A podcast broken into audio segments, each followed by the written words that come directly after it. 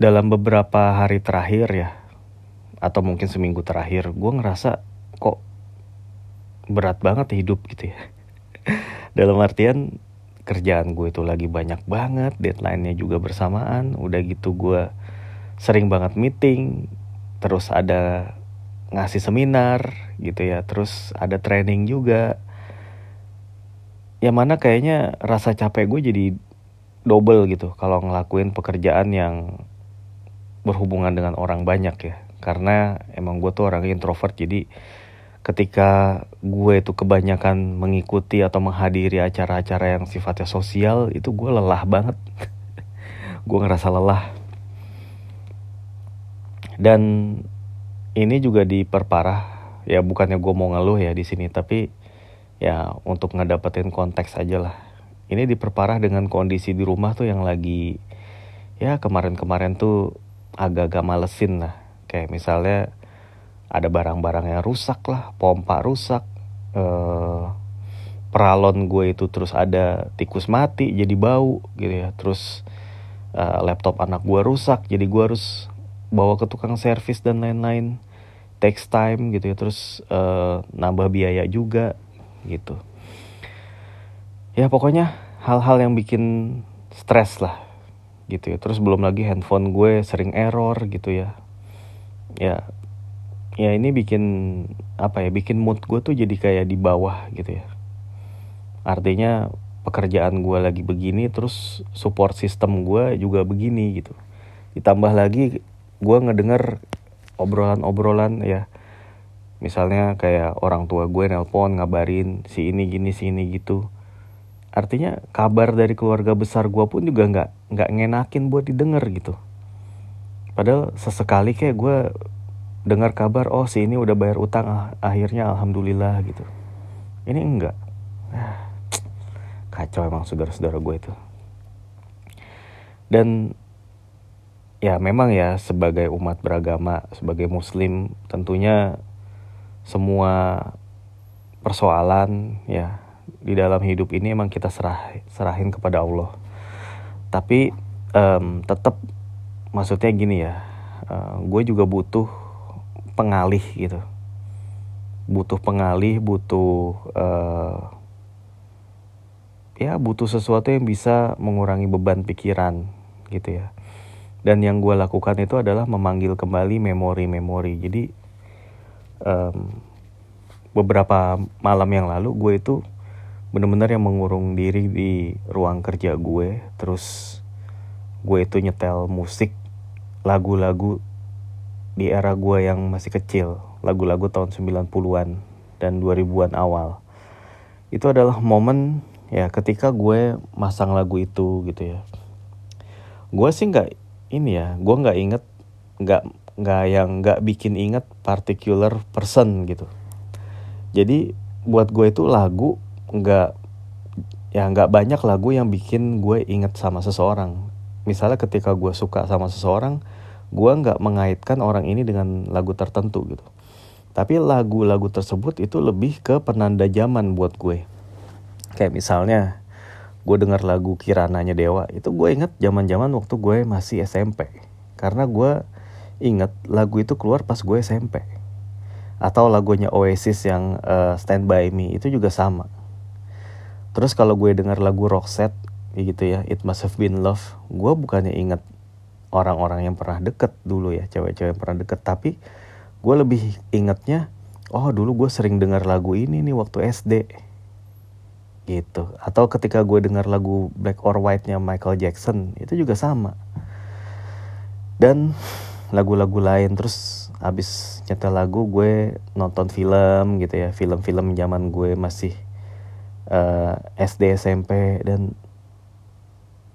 apa namanya nggak berasa itu tanpa gue sadari ya otak gue tuh kayak mengeluarkan kayak gelombang apalah gitu kayak yang berasa ada getaran gitu ya bergetar gitu terus kayak somehow kayak ngilangin pusing gue gitu waktu itu. Jadi waktu itu gue migrain gue kambuh waktu itu ya. Sampai pas gue nonton film itu gitu ya terus gue mengingat-ingat kejadian-kejadian yang gue pernah alami waktu kecil.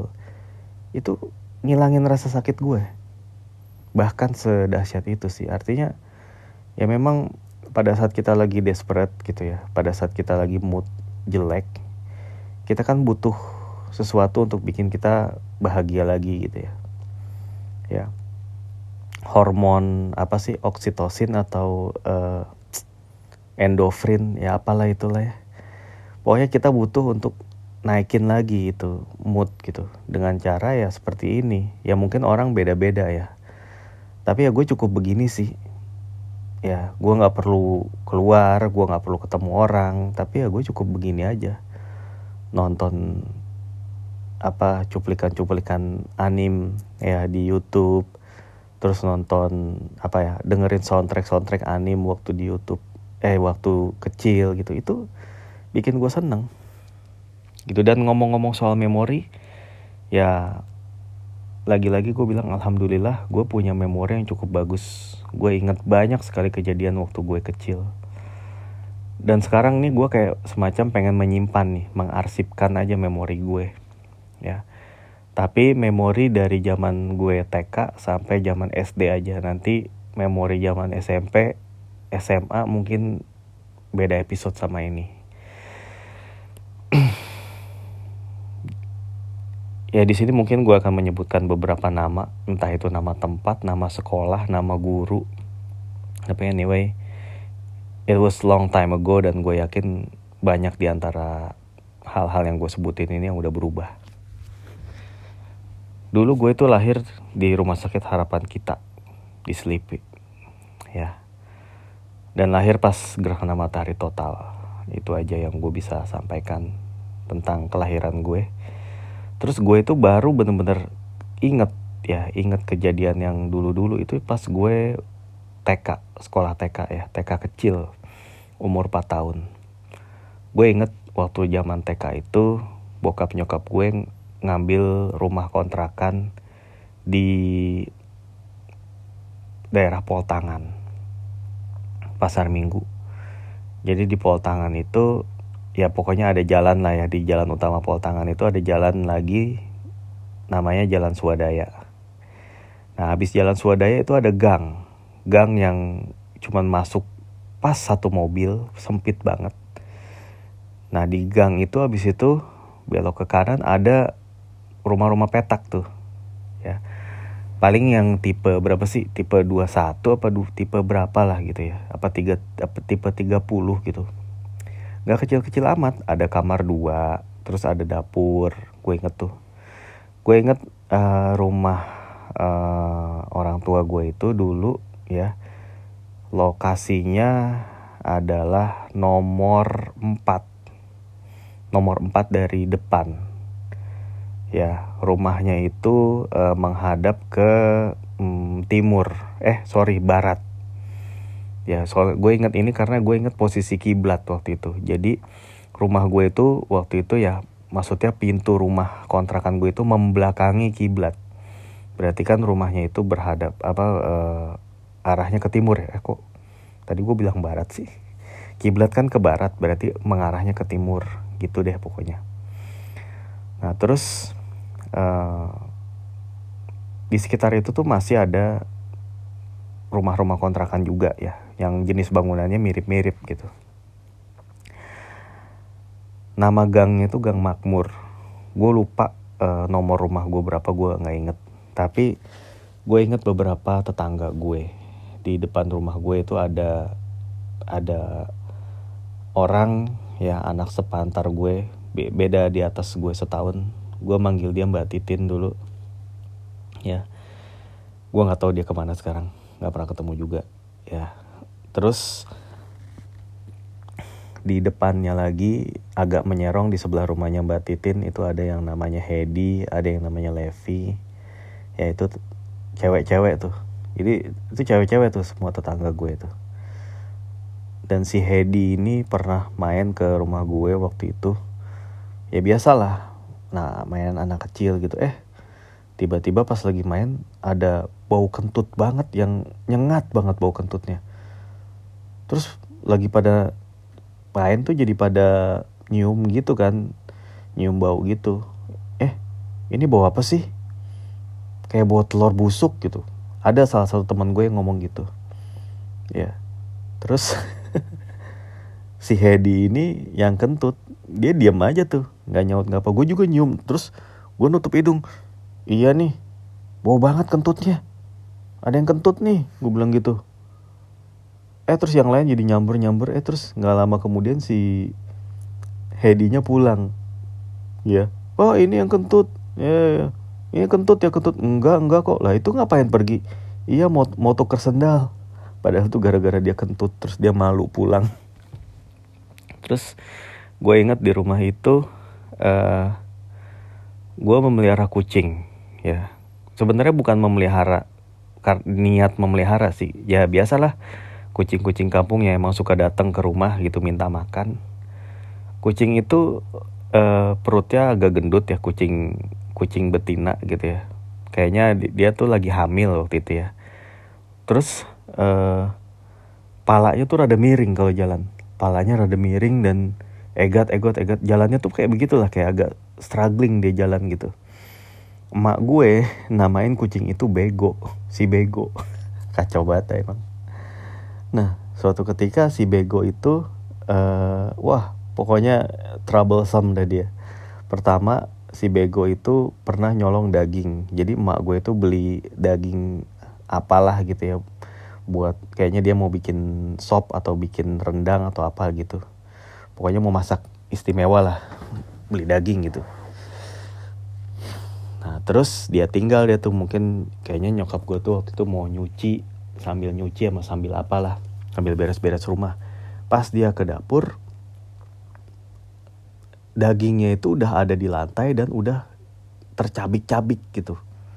Udah tercabik-cabik keluar dari plastik udah kayak cop ada yang copot gitu ada yang gompal-gompal udah dimakan makanin wah mak gue marah banget ngelihat si bego itu langsung disambit sama dia pakai sendal. Akhirnya nggak jadi makan daging gitu terus pernah juga ya si bego ini kan ada di dalam rumah tuh. Uh, jadi gue tuh pengen pergi gue sama nyokap gue sama bokap gue. Dulu adek gue belum lahir tuh.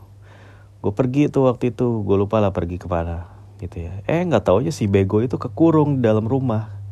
Kan pas pergi tuh pintu dikunciin ya si bego itu kekurung di dalam rumah kayaknya dia tuh pengen keluar. Eh dia boker dong dan bokernya itu mencret di karpet. Begitu masuk buka pintu uh, langsung ada bau bau tai gitu kan bau tai kucing najis dah. Siapa nih? Wah si bego. Nggak tahu si begonya tuh langsung lari begitu uh, apa begitu pintu dibuka dia langsung lari keluar dan ninggalin tai nyokap bokap gue marah-marah langsung dia langsung harus nyuci karpet. Wah bener-bener dah tuh kucing. Nah terus uh, eh, gue pernah ya waktu itu uh, apa namanya di rumah gue itu ternyata nggak cuman ada keluarga gue doang tapi ada adeknya nyokap gue dan ada satu orang lagi saudara jauh ya. Saudara jauh yang tinggal di situ. Kan kalau orang-orang dulu kan ada ya kayak ikut gitu ikut si ini ikut sini nginep sini. Jadi uh, dulu tuh ada tante gue yang uh, dia tinggal di situ juga nginep di situ karena dia di saat yang bersamaan dia lagi ngambil kursus. Gue lupa kursus apalah gitu. Terus ada satu lagi uh, om tapi bukan om adik kandung nyokap gue tapi adalah saudara jauh gitu ya. Dia datang ke sini nginep dan lama banget deh. Dan gue kan dulu anak kecil juga gimana ya kadang-kadang suka sensi apa gimana. Gue nanya ke nyokap gue mah itu siapa sih sebenarnya saudara kita dari mana? Dulu gue gitu tuh umur 4 tahun gue nanya begitu. Kok nggak pulang-pulang sih? Gue gue nanya begitu sampai nanya gitu. Nggak boleh gitu dibilang sama nyokap gue tapi akhirnya lama-lama pulang juga dia sih gitu dan belakangan belum lama ini nih gue kan ngobrol sama nyokap gue mah itu tuh dulu om itu gitu kan. Om si om M ya nama depannya M. Itu dulu uh, siapa sih? Gitu. Nyokap gue terus ngejelasin tuh pakai sila keluarga. Jadi ini nenek nenek punya adik gitu ya. Nah si om ini anaknya si adiknya nenek ini gitu. Adiknya nenek gue gitu jadi sepupunya nyok nyokap gue nah terus waktu itu dia ngapain? Gue tanya gitu emang dia kerja? Iya ngakunya pengen cari kerja ke sini. Padahal nggak tahu ya dia tuh lagi kabur gara-gara kawin lagi gitu. Gara-gara dia pacaran lagi apa kawin lagi gitu terus ngehamilin orang apa gimana lah gitu. Wah gue ketawa ha? yang bener gue bilang. Waduh kacau. Ternyata gue pernah menampung juga buronan mertua terus oh iya uh, gue waktu itu um, juga bertetangga kan. Ya tetangga namanya kontrakan ya tetangganya dempet dong. Nah gue suka denger tuh uh, tetangga sebelah gue tuh galak banget sama anaknya. Jadi kan uh, di sebelah gue itu ada dua anak kecil. Satu namanya Wawan adanya Wawan namanya Agung. Anak 90-an banget kan. Nah, Wawan sama Agung ya nah si Wawan sama Agung ini orang tuanya tuh kerja di mana lah gue lupa. Nah orang tuanya itu bapaknya itu belagu banget kalau menurut emak gue menurut emak bapak gue kenapa? Karena dia tuh nyusahin ya kayak kalau misalnya dia itu uh, pergi ke kantor atau pulang lah dia kan um, dianterin tuh pulangnya ada pakai mobil. Mobilnya itu harus yang sampai depan rumahnya gitu dulu sampai bokap gue sampai komentar itu orang kenapa sih mobil yang nganter dia tuh harus sampai depan rumah? Kan kan jalannya tuh sempit gangnya sempit. Ngapain? Padahal padahal mah harusnya di depan gang aja gitu. Tapi si bapaknya Wawan itu maunya di depan rumah. Persis depan rumah. Ya sampai ada tuh mobil tuh jadi susah banget buat muter balik keluar jalan lagi gitu. Pernah pokoknya sampai ada antrian apa apa gimana gitu tapi si bapaknya si Wawan itu cuek aja. Gitu. Ya kayak gitulah. Dan dia tuh kalau ngomelin anaknya sampai yang dijewer ditempeleng gitu sampai teriak-teriak gitu si Wawan sama si Agung ya ah, wah jerit-jeritan gitu. Terus kita pada denger kan ya namanya rumah rumah kontrakan dempet ya. Nah terus ada lagi tetangga gue yang sebelah kiri. Uh, ya ibu-ibu muda gitulah. Sepantaran bokap nyokap gue juga. Jadi suami istri gitu. Gue lupa udah punya anak punya anak atau belum waktu itu. Gue suka ngebaik-baikin gue gitu ya. Ngasih permen eh adit gini kan. Tante tante punya permen sini mau nggak? Ini tante punya permen yang bunder-bunder nih yang yang warna-warni enak loh gitu kan. Gue dikasih gitu.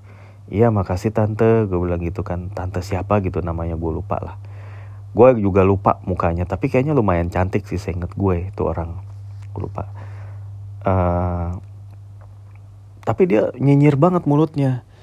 Dia ngomong gini dit uh, mama masak apa? Nggak tahu gue tanya gitu. Coba dong kasih tahu tante mama mama masak apa? Kali aja tante juga bisa uh, sama juga masaknya gitu. Terus gue nanya sama nyokap gue kan mama masak apa mah nah, ini ini ini kenapa emang? Ditanya mama mama gue gitu kan terus gue tanya itu tuh tante sebelah nanya masak apa? Hah? Justru nyokap gue heran, ngapain sih dia nanya-nanya? Nggak tahu, udah nggak usah dikasih tahu, gitu sama nyokap gue. Nyokap gue risih gitu kayaknya. Terus, nah abis itu dia ini lagi tuh suka suka main. Di di belakang rumah gue itu kan ada ada sekolah SD ya, sekolah SD dan ada halamannya gitu, ada halamannya di situ. Nah, terus gue itu suka diajak main sama dia ke situ pakai sepeda. Dulu kan gue bisa main sepeda tuh uh, kalau nggak salah makanya dia udah punya anak deh tapi anaknya masih kecil gitu masih dia gendong anaknya. Dia ngajak ng gue ngobrol terus tuh di uh, mobil papa Adit sama mobil tante kan bagusan mobil tante ya gitu. Gue ya ya aja gitu kan. Pokoknya dia tuh orangnya ini banget kompetitif banget tuh si tetangga gue itu. Dan uh, nah ternyata suaminya dia itu si si suaminya tante itu itu temen kerja sekantor lah sama bokap gue gitu cuman beda bagian. Nah si istrinya itu si tante ini sering banget muji-muji suaminya gitu ke nyokap gue sampai nyokap gue tuh enak banget gitu lah ngapain sih? gitu kan. Dia tuh bilang oh mas ini gitu kan. Mas katakanlah ya cerit anggap aja ya sebut aja namanya mas Jul gitu. Mas Jul ini wah ampun orangnya tuh uh, baik gitu ya. Terus udah gitu dia tuh alim uh, sholatnya rajin terus puasanya juga rajin. Wah saya mah senang banget deh gitu. Nah terus emak gue cerita ke bokap gue gitu. Itu tuh si itu cerita cerita gini suaminya gini gini apa sih? Terus bokap gue diam aja kan. Nah nggak taunya beberapa tahun kemudian pas kita udah pindah dari rumah itu bokap gue baru bilang ke nyokap gue kamu inget gak itu si si Jul itu tetangga kita dulu? Iya kenapa iya yang istrinya itu kan. Iya dulu kan dia pernah nyebut-nyebut si Jul itu alim segala macam. Hmm, kata bokap gue apaan? Eh, waktu bulan puasa dia tuh pas lagi makan siang ya dia makan. Ya terus abis itu dia puasa lagi sampai rumah. Gitu. Hah? Kenapa nggak bilang dari dulu? Mama gue digituin. Tahu gitu kan saya bilangin tuh. Ya udahlah ngapain sih kata kata bokap gue gitu. Ya gitulah. Nah, terus uh, apa namanya uh, tetangga-tetangga gue yang lain tuh ada tuh. Pokoknya orang kebanyakan sih orang-orang Betawi ya. Orang-orang Betawi yang ngomongnya tuh medok yang lucu deh. Gue pada saat itu belum pernah denger tuh logat kayak gitu. Lah emang kenapa? Wah boy kayak gitu dah. Itu apa sih? Gitu kan. Tapi mereka kenal sama gue baik sama gue manggil gue kalau misalnya gue lagi jalan ke sekolah gitu jalan sendirian dipanggil gitu. Udah tapi ya udah ya zaman dulu kan kayak gitu ya enak ya. Orang manggil emang ya ya karena emang manggil aja gitu bukan ada maksud bukan ada apa. Terus kalau nawarin makanan bener-bener nawarin makan gitu. Kalau kayak sekarang kan kita waspada gitu kalau sama stranger atau bahkan orang yang kita kenal kalau ketika nawarin makanan itu kan kita kayak curiga gitu. Wah ini ada apa nih? Jangan-jangan ada ada racunnya atau ada obat biusnya dan segala macam gitu. Oke terus ini ke TK ya. Nah, di TK itu gue tuh nama TK-nya ya TK Rosari. Itu di Jalan Swadaya situ juga. Jadi kalau dari rumah kontrakan gue keluar dari gang jalan ya paling gak jauh lah paling 50 meteran itu udah sampai di sebelah kanan jalan TK-nya itu kecil. TK-nya kecil bukan TK yang TK bukan TK yang serius gitu kayak yang misalnya kayak zaman sekarang kan ada TK misalnya kalau TK IT ya ada TK-nya, ada SD-nya, ada SMP-nya gitu kan dalam satu komplek bangunan. Ini enggak, ya TK doang isinya gitu. Terus uh, gue inget di TK itu uh, di depan mainannya itu ayunan perosotan terus yang papan jungkit-jungkit jot-jotan terus um, ya itu deh yang pokoknya besi-besi itu yang kita bisa masuk ke dalam situ gitu ya. Mainan-mainan ketang ketangkasan terus ada yang uh, merry go round eh yang diputer gitu. Nah gue inget waktu gue TK itu punya beberapa orang yang gue kenal gitu. Ada salah satu teman gue yang cewek namanya Rizka. Dia itu rumahnya pas di depan TK jadi gue kenal sama dia gitu. Jadi ini banget noticeable banget gitu. Karena oh ya rumahnya di situ ya rumahnya di situ gitu. Jadi dikenal itu anak. Mukanya gue sendiri lupa gitu. Terus guru-guru TK gue itu rata-rata masih pada muda-muda ya. Ada yang tapi yang gue inget cuman satu yang nam namanya ibu namanya Bu Ika dia guru sekaligus juga kepala sekolah. Ya rumahnya dia di daerah Jati Padang. Gue pernah juga ke rumahnya dia gitu. Gue lupa dalam rangka apa emak gue tuh ngajak gue ke rumahnya dia. Nah di TK itu uh, ya anak-anaknya lumayan banyak ya. Gue pernah nangisin anak orang gara-gara gue nggak sengaja um, pas lagi mainnya muter-muter gitu gue puterin sampai pada pusing. Akhirnya pada nangis terus pernah juga lagi main ya main berantem beranteman lah ada yang kegampar pipinya mau gue pak nangis gue suruh minta maaf udah terus yang pernah gue inget juga adalah uh, gue itu ikut lomba busana 17 Agustusan dalam rangka memperingati 17 Agustus Nah, gue itu kebagian pakai pakaian adat Madura. Nah, bokap gue tuh waktu itu udah senang banget tuh. Ayo, uh, bapak beliin pakaian Madura. Belinya di pasar raya Blok M waktu itu. Oh, mahal harganya gitu kan. rapi dibeliin gitu kan udah dipasangin kumis-kumisan gue dan segala macam pakai belangkon pakai bikin keris-kerisan gitu emak gue yang bikinin eh begitu gue dipanggil ayo berikutnya pakaian adat Madura bayangin ya emak gue waktu itu kalau nggak salah emak gue doang ya emak gue udah nungguin mana nih gue nih gitu mana dipanggil paling terakhir dipanggil panggil sama MC Madura Madura. Ke mana ya? Padahal gue ngumpet di balik pintu dan gue nggak mau tampil gue malu. Akhirnya gue dicariin kan tuh semua guru-guru nyariin gue. Orang tua gue nyokap gue juga nyariin gue ke mana ke mana? gitu. Udah pulang kali bu udah pulang gitu. Eh pas nyokap gue lari pulang gue kejar gitu gue panggil. Terus gue diomelin uh, ya terus gue inget waktu TK itu gue tuh orangnya nggak cengeng ya. Dari maksudnya kan kalau anak kecil biasalah digangguin dikit nangis apa dikit nangis. Gue dulu nggak nggak pernah gue nangis. Sampai pada suatu ketika teman-teman gue itu tahu ya kalau gue itu orangnya nggak suka nangis. Mereka tuh sampai kompakan ngerjain gue jadi topi gue tuh diambil disangkutin ke rak yang tinggi.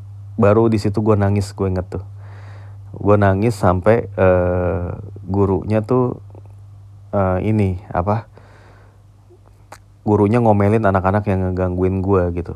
Terus gue dorong itu anak kan yang lempar topi gue ke atas gitu. Terus gue ngadu ke guru. Ya kayak gitulah. Gitu. Gue nggak dibully sih kayak itu kayak main-main biasa aja gitu ya. Apa itu hitungannya bully ya? Ah udah ya pokoknya seru deh. Gue dulu suka disuruh bikin uh, ya biasalah nempel-nempel kertas. Dikasih lem kan lem kertas. Eh lemnya pernah gue makan. Ya lem kan terbuat dari sagu anyway tapi tapi harusnya nggak boleh dimakan karena ada bahan kimianya. Terus waktu TK ada kejadian apa lagi ya? Kayaknya udah itu doang sih. Gue nggak inget banyak ya. Cuman ingat beberapa tapi lumayan juga ada kepingan-kepingan itu ya gue ingat temen gue itu ada yang namanya Didit, ada yang namanya Indra, ada yang namanya Rizka, ada yang namanya hmm, Kiki, ada yang namanya siapa lagi sih? Gak banyak ya. Itu sih guru gue yang gue ingat Bu Ika. Ya mungkin itu udah samar-samar banget sih memorinya. Nah terus uh, ya mungkin abis ini lanjut ya ke masa SD ya ini kan TK dan di pol tangan. Nah, soalnya nih abis pindah dari apa? Abis gue tamat TK ya, bokap gue tuh pindah rumah, ngontrak di tempat yang beda tapi masih di dalam kawasan pasar minggu juga. Gitu, ntar deh di next next episode aja gue bikin. Yaudah deh, bye.